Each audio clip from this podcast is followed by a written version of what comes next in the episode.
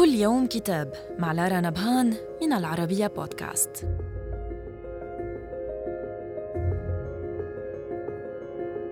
كتابنا اليوم بعنوان رحلة مع الحياة للعلامة والأديب الموريتاني محمد المختار ولد أباه.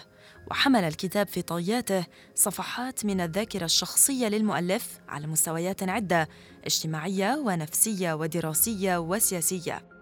وفي خضم استعراضه لهذه الجوانب حرص الكاتب على إثارة الكثير من الملاحظات المؤثرة والمحيطة بالجغرافيا السياسية والثقافية التي عاش متنقلا بين أطرافها. كما لم يفته التأكيد على موقفه من بعض القضايا الشائكة في موريتانيا والجوار كقضية الصحراء التي ظل مدافعا عن مغربيتها وعلاقاته بالمؤسسات العربية والإسلامية وعلاقته الخاصة بالمغرب حيث تتعدد نقاط الالتقاء بين ما هو روحي وما هو سياسي وتاريخي وثقافي.